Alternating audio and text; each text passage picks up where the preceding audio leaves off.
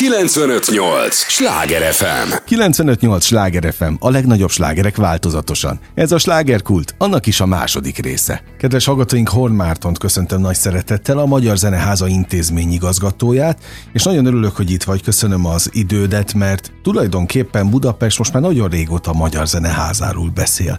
Láttad, nem láttad, voltál már? Még nem voltam az előadók folyamatosan arról, hogy de jó lenne ott koncertezni. Akik voltak, azt mondják, hogy egy teljesen más dimenzió. Szóval foglalkoznak.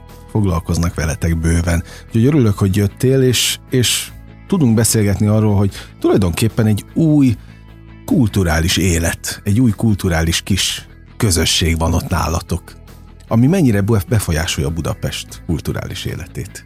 Én is először is üdvözlök mindenkit, minden kedves hallgatót.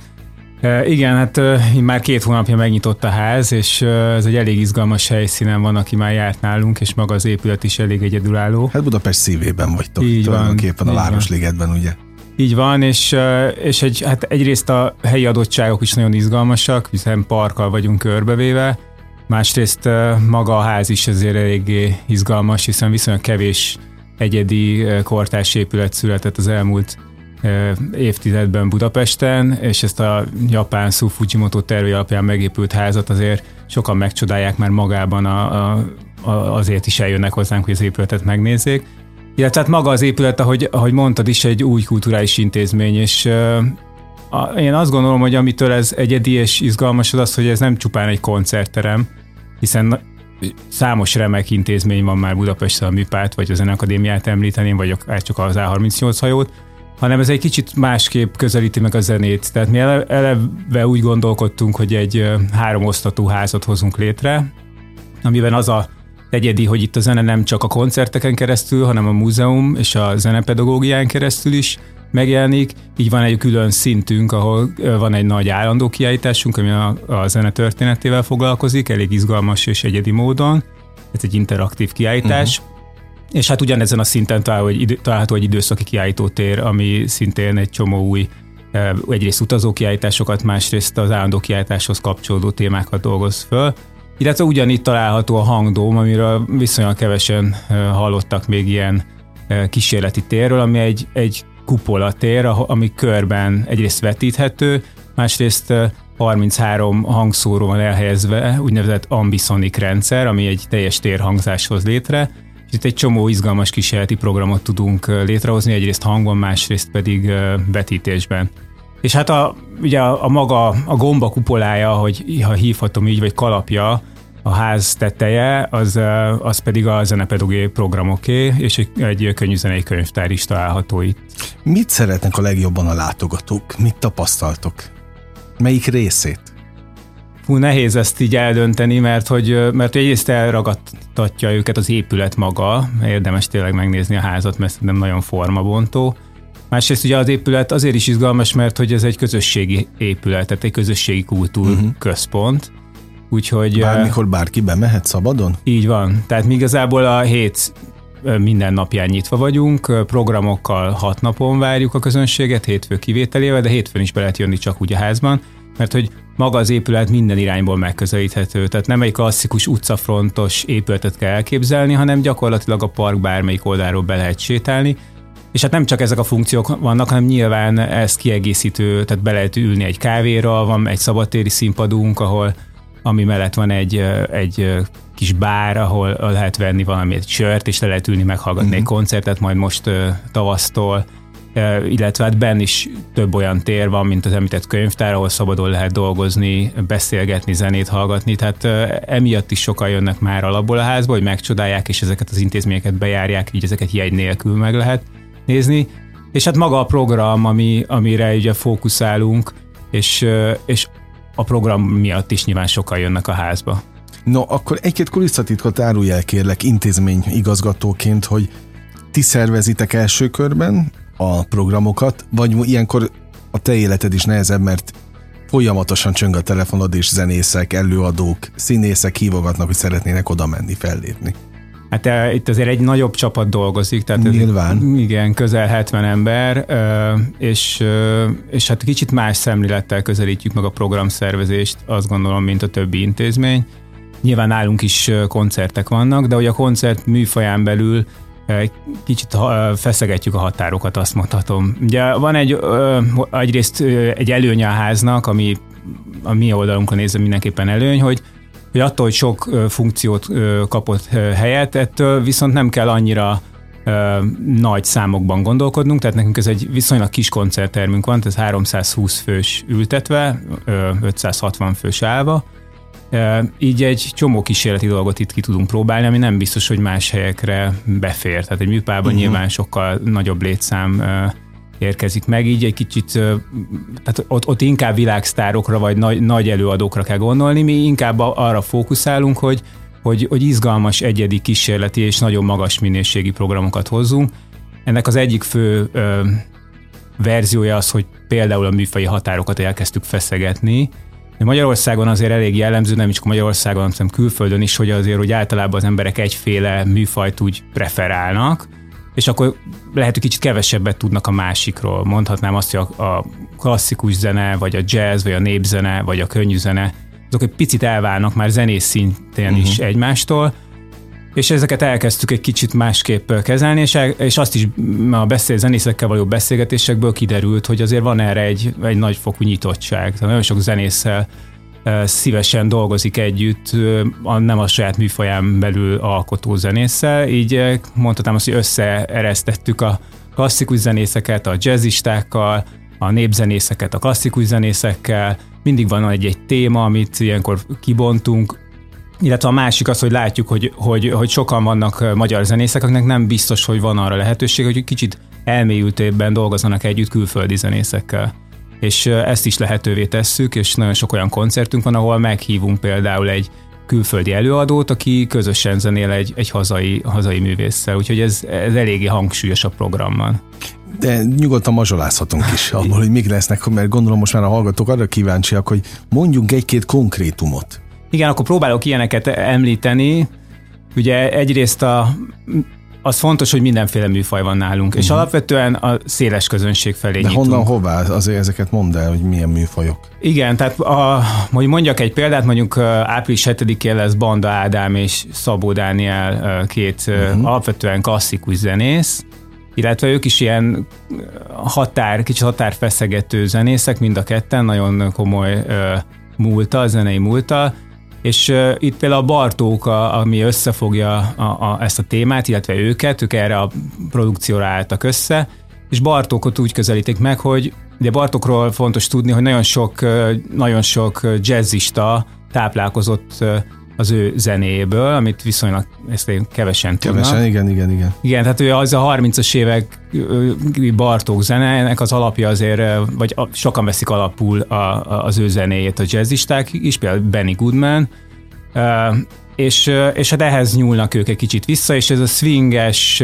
jazz zene jelenik meg Bartók feldolgozásokban, hogy csak egy példát említsek, vagy ha másikra, hogy a országhatárokon átívelő programként pedig 16-án lesz a Concerto Armanico, ez egy kamarazenekar, uh-huh. akik egy barokk estet adnak, barokk zenei estet, ott például két nagy nevű külföldi oboaművészt hívnak egy Svájcból, illetve Dél-Koreából, és ott például egy, ez egy Jézus halálától a feltámadásig Handel, elsősorban Handel műveket fognak bemutatni. De, de sok komoly zenei dolgunk is lesz nyilván a közeljövőben, de például külföldi zenészünk Ben Wendell, aki aki egy ilyen jazzes, popos, szakszofonos zenész, aki e, érkezik hozzánk, vagy Kaltenekel Zsoltot biztos sokan ismerik, aki így az elektronikus zene és a jazznek a igen, igen. crossover világát mutatja be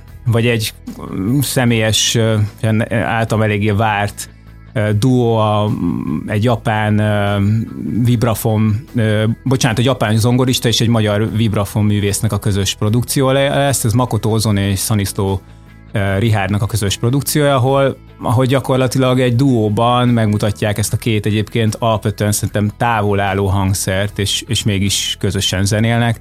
Itt hozzák létre a zeneházának ezt a produkciót.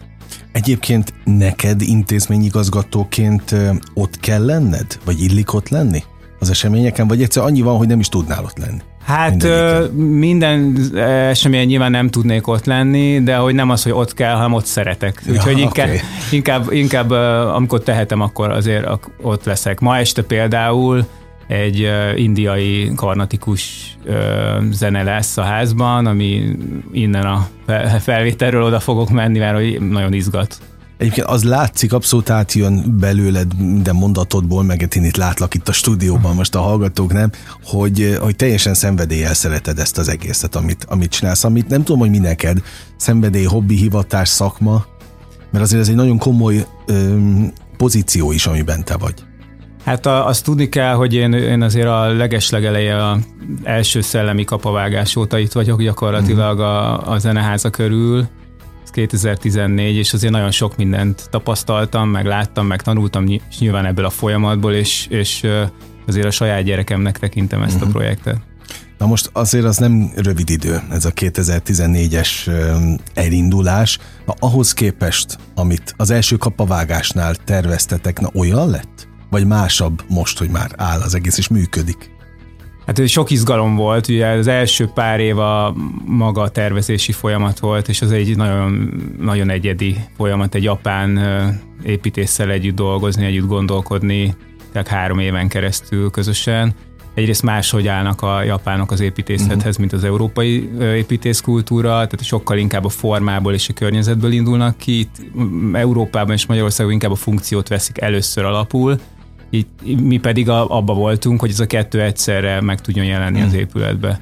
És azt hiszem, hogy az jött létre, amit, amit mi, mi szerettünk volna. Tehát egy nagyon, hát igazából szerintem egy kis ékszerdoboz maga a ház. Nem olyan nagyon nagy egyébként léptékében, de mégis nagyon sok funkciót eh, hordoz magába, és, és annyira jól ki vannak találva a terek, hogy gyakorlatilag nem nagyon van fölösleges tér. Szóval nagyon sok a- az épület háromnegyede az gyakorlatilag közönségforgalmi tér, és egy negyede az tényleg olyan okosan van funkcionálisan kitalálva, ami meg az intézményé, amivel mi tudunk működni, hogy ez, ez nagyon jól ellátja ezt a fennmaradó háromnegyed részt. Ami egyébként teljesen transzparens, tehát közben meg az is nagyon izgalmas a házban, hogy milyen jól elmossa a határokat így az épített környezet és a természetes környezet között. Tehát, hogy megérkezek a házba, eleve nem egyértelműen érzem, hogy, hogy belépek a házba, mert hogy annyira látom a környezetet, látom a fákat, látom a természetet, a koncertterem is teljesen üveg, ez egy abszolút kísérleti megoldás, uh-huh. hogy hogyan lehet egy ilyen koncerttermet létrehozni, úgyhogy akusztikailag is persze ez egy nagy kihívás volt, de, de csodálatos akusztika lett a házban, amitől a legjobban izgultunk, de egy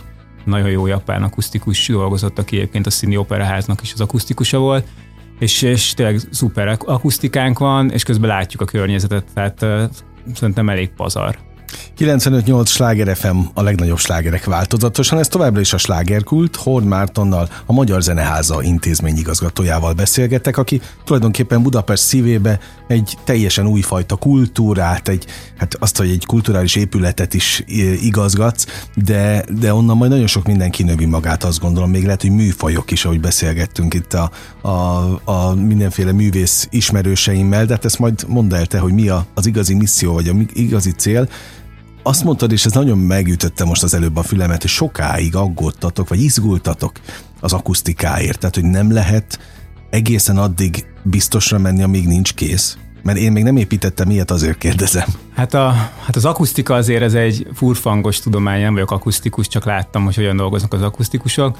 Ugye nagyon sok mindent most már modellbe ho- hoznak létre, de hát azért mégsem a, a valós tér. Tehát a modell, modellbe sok minden kiderül, reflexiókat néznek nyilván, hogy hogyan verődik vissza a hang, hogy, hogyan nyeletődik el az adott térbe a hang, de azért az nem az, alkész tér, amit látunk, és az az utolsó pillanatban berül ki. És azt azért láttuk, hogy megérkeztek a japánok, ugye a, a végén, hát közben is jöttek sokszor ö, tanulmányozni a helyet, meg, meg sok egyeztetés uh-huh. volt, de a legvégén azért, amikor megérkeztek a térbe, akkor derült ki, hogy akkor a kész épületben hogyan működik az akusztika, és akkor még nagyon sokat, hát iszonyú izgi volt, hogy három japán úr egy héten át tapsikol a, egy, egy, koncertteremben, és közben meg mér mindenféle műszerrel, és aztán kihozza azt, hogy még mit állítsunk, hogyan változtassunk, hol, hol legyen még hangányelés, hol, hol legyen még szigetelés, hogyan mm, alakítsuk az üvegfelületet, mert itt vannak szabályozható üveg, reflektív üvegpanelek is, amik egyébként felküldik a hangot a, a, a mennyezetre, hogy ott nyeljék el. Tehát ez egy összetett folyamat, és, és azért a legvégén derül ki, hogy ez milyen. Uh-huh. De jó lett? Hát én ajánlom mindenkinek, hogy jöjjön el, eddig én nem, még nem hallottam, hogy valaki csalódott volna. Inkább, inkább ez a pozitív csalódás, ez a meglepetés, hogy ilyet is lehet. Ilyet is lehet. Azt azért tudni kell, hogy a japánoknál nyilván ez a technológia ez adott, tehát ők ott azért több ilyen üvegkoncertterem van, Európában nem jellemző. Jó, nyilvánvalóan elképesztő gondos munka van e mögött, meg hosszas ö, alapozás. Mennyire ö, érzékeny téma a Petőfi csarnok kérdés? Tehát, hogy ez ezt nem tudta eldönteni egy, egy nagyon sok ismerősöm ott a környezetben, a Városligetben, hogy most akkor ez a Petőfi csarnok utódja? Tulajdonképpen csak sokkal modernebb verzióban, vagy egy teljesen más?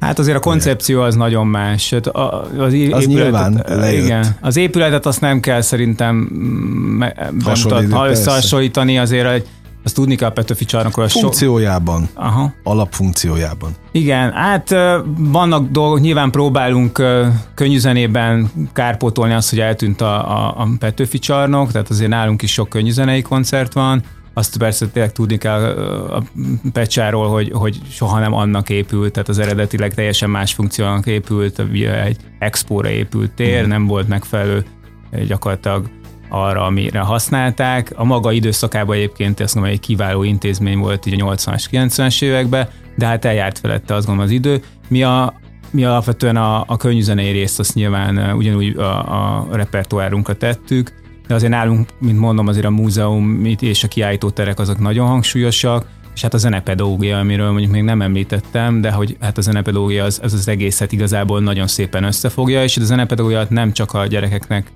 szóló zenepedagógiára kell gondolni, hanem, hanem nagyon sok felnőtteknek szóló eseményünk is van, olyan ismeretterjesztő programok, például a Szabad Egyetemi programsorozatunk, ahol azokat is hívjuk, invitáljuk, akik egyébként időskorban szeretnének mondjuk egy kicsit többet tudni egy-egy zenei műfajról, akarnak, rá, rá akarnak jönni, hogy ők még sose késő elkezdeni zenélni, énekelni, tehát nagyon sok ilyen programunk is van házban. Az elmúlt két hónapban mik a tapasztalatok? Látogatottság szempontjából, visszajelzések szempontjából? Hát az első két hónapban több mint 60 ezer látogatónk Na, volt. Szép. Igen, ami azért szerintem egy elég, elég szép szám. Gyakorlatilag minden koncertünk teltházas volt, úgyhogy, úgyhogy érdemes minél hamarabb ellátogatni a holnapra. Nyilván lehet, lehet találni jegyeket most is, a kiállításunk is nagyon jó visszhanggal zajlik. Rengeteg külföldi újságíró volt egyébként a világ minden részéről megnézni a házat, úgyhogy uh-huh. hogy pozitív visszhangos nyertünk egy, egy rangos nemzetközi díjat, tehát egy nagy ingatlan, a legnagyobb, a világ legnagyobb ingatlan szakmai díját megnyertük kulturális beruházás terén. Korábban a, a CNN, a, a BBC az kiemelten, Time Out kiemelten kezelt minket, tehát ö, több listájukra is rákerültünk, tehát azt gondolom, hogy hogy sikeres volt ilyen szempontból maga a, a beruházás. Nyilván közben rengeteg kérdés felmerült, meg meg sok vita volt itt az évek során, hogy kell-e, így kell-e, mit kell, de azt gondolom, aki el, eljött hozzánk a házba és megnézte az épületet, azóta az, az nem csalódott. Ugye te, aki az egészet végig élted az első kapavágástól, mint mondtad, a vitákban, vagy a viták után mennyire voltak méltatlanok ezek a viták? Vagy, hát, vagy jogos, létjogos, mennyire volt? Én azt gondolom, a vitának egész? mindig van helye. Szóval vitat beszélni, vitat, én, én rengeteg fórumon, beszélgetésen mindenhol voltam. Voltak, amik kevésbé voltak. Sok szkeptikus volt? E, igazából is is, tehát nagyon vegyes volt. Az volt nehéz, ugye mi nem, egy nem létező intézmény vagyunk, tehát nekünk el kell tudni magyarázni, hogy mi ez az mi egész. Lesz, igen. És ez, ez nem egy működő intézmény, mondjuk, mint a szomszédban lévő számtalan kiváló, mint a Szép Művészeti Múzeum, vagy a Műcsarnok, hanem, vagy, vagy a most hamarosan megnyíló néprajzi múzeum, hanem ez egy új intézmény. Egyrészt ezt meg kellett értetni, hogy ez valójában mi is, miért van rá szükség, Másrészt pedig hát nyilván az épület, amikor egy parkba építkezünk, akkor arra oda kell figyelni, hogy hogyan építkezünk, de én azt gondolom, hogy az épület ez olyan, tehát a maximális parkkapcsolatot biztosít, nagyon figyel a környezetére, és gyakorlatilag beleolvad a parkba. Tulajdonképpen most Budapest megint felkerült egy, egy új fajta térképre, hiszen ti tovább öregbítitek a főváros, a magyar főváros hírnevét ezzel. Hát én azt gondolom, Budapest... Világszinten. Így van. Budapesten kulturális szempontból azért egy eléggé egyedi hely, főleg itt közép-kelet-európában azért kevés ilyen város van, de, de minden ilyen plusz kulturális intézmény azért hozzátesz még egy kicsit ahhoz, hogy, hogy akár külföldről emiatt jöjjenek. Én azt is gondolom egyébként, hogy sokan jönnek nem feltétlenül csak a zeneházába, de mondjuk amikor eljönnek Budapestre, akkor végig gondolják, hogy két vagy három napot töltsenek-e itt, és lehet, hogy inkább a három mellett döntenek, hogyha uh-huh. ha megnézik, hogy milyen új intézmények és helyek vannak Budapesten. Ez milyen felelősséggel jár a te életedben egy, egy ilyen intézmény igazgatójának lenni? Hát, Nagy a felelősség?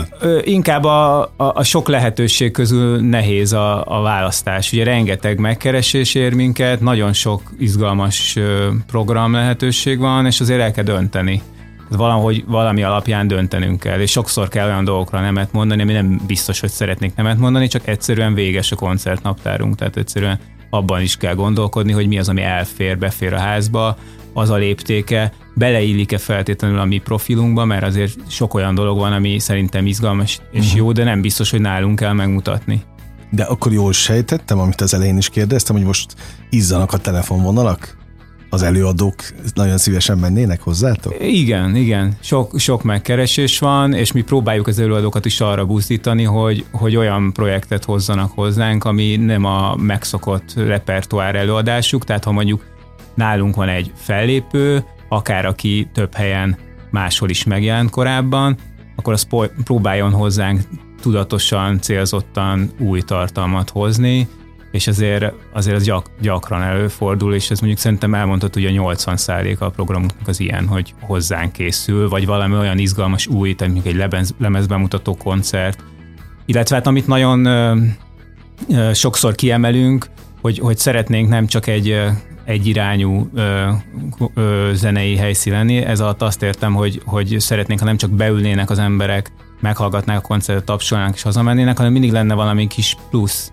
Ezt általában ilyenekre kell gondolni, hogy nagyon sok beszélgetést szervezünk a koncert köré, vagy akár a koncert közben, része magának a produkciónak. Nagyon sokszor kérjük a fellépőt, hogy mondjuk jön egy török fellépő, most nem sokára a Kúci Ergüner, egy nej játékos, ez egy fúvós hangszer, hogy, hogy kicsit meséljen a hangszerről, ismerjük meg, uh-huh. tudjuk, hogy mi az, mert nem biztos, hogy mi Magyarországon ismerjük azt a hangszert. Egy csomó olyan foglalkozásunk van, ahol megpróbáljuk bevonni valahogy a közönséget. Persze nem mindenki szereti, tehát ennek különböző végletei vannak, ezt úgy szoktam elmagyarázni, hogy van a mondjuk a zöldtől a pirosig, hogy mennyire kemény a beavatás módja, Igen. és akkor vannak, amik könnyebbek, amikor nyilván a, mondjuk a Szent Efrém, aki a, most játszott múlt, múlt héten, most hétvégén nálunk, ő például a, egy Tavanya nevezetű korzikai kórussal közösen egy kórus koncertet adtak.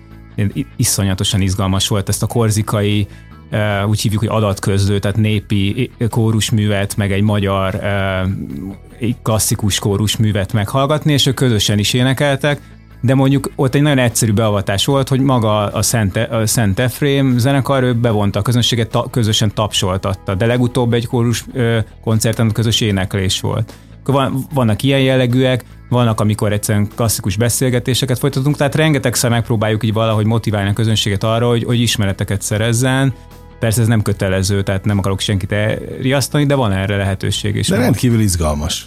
Rendkívül izgalmas Köszönöm. az egész, úgyhogy nagyon kö... mit, mit kívánja? Képzeld el, hogy elszaladt az időnk. Igen. Ilyen hamar, mit kívánjak neked így a végén? Hát, intézményvezetőként további ilyen látogatottságot például, ami eddig az is az volt. Alap, az az alap. És hogy problémamentesen. Én igazából nem is nekünk, hanem a közönségnek kívánom, hogy, hogy tudjon eljönni hozzánk, és legyen rá módja, hogy ellátogat, ha, ha csak egyszer is, mert azért mi azon sokat gondolkodunk, meg dolgozunk is, hogy minél több gyerekcsoport uh-huh. a, a vidékről eljöjjön legalább egyszer megnézni a házat egy gyerek foglalkozásra. De a kiállítást ezt külön ajánlom mindenkinek, mert aki szeretné megérteni az európai zenetörténetet, nem egy száraz, klasszikus, poros módon, hanem nagyon izgalmas, interaktív, mindent kipróbálós módon, akkor az mindenképp látogasson el hozzánk, főleg, hogy most áprilisban még megnyitunk egy úgynevezett kreatív hangtér nevű teret, ahol egy csomó hangszer, egyedi hangszer kipróbálható lesz majd. Hát akkor, amit én ebben a műsorban mondani szoktam, sok élményt és értéket a látogatóknak. Nektek pedig tényleg élvezetes munkát, szerintem ez a legfontosabb.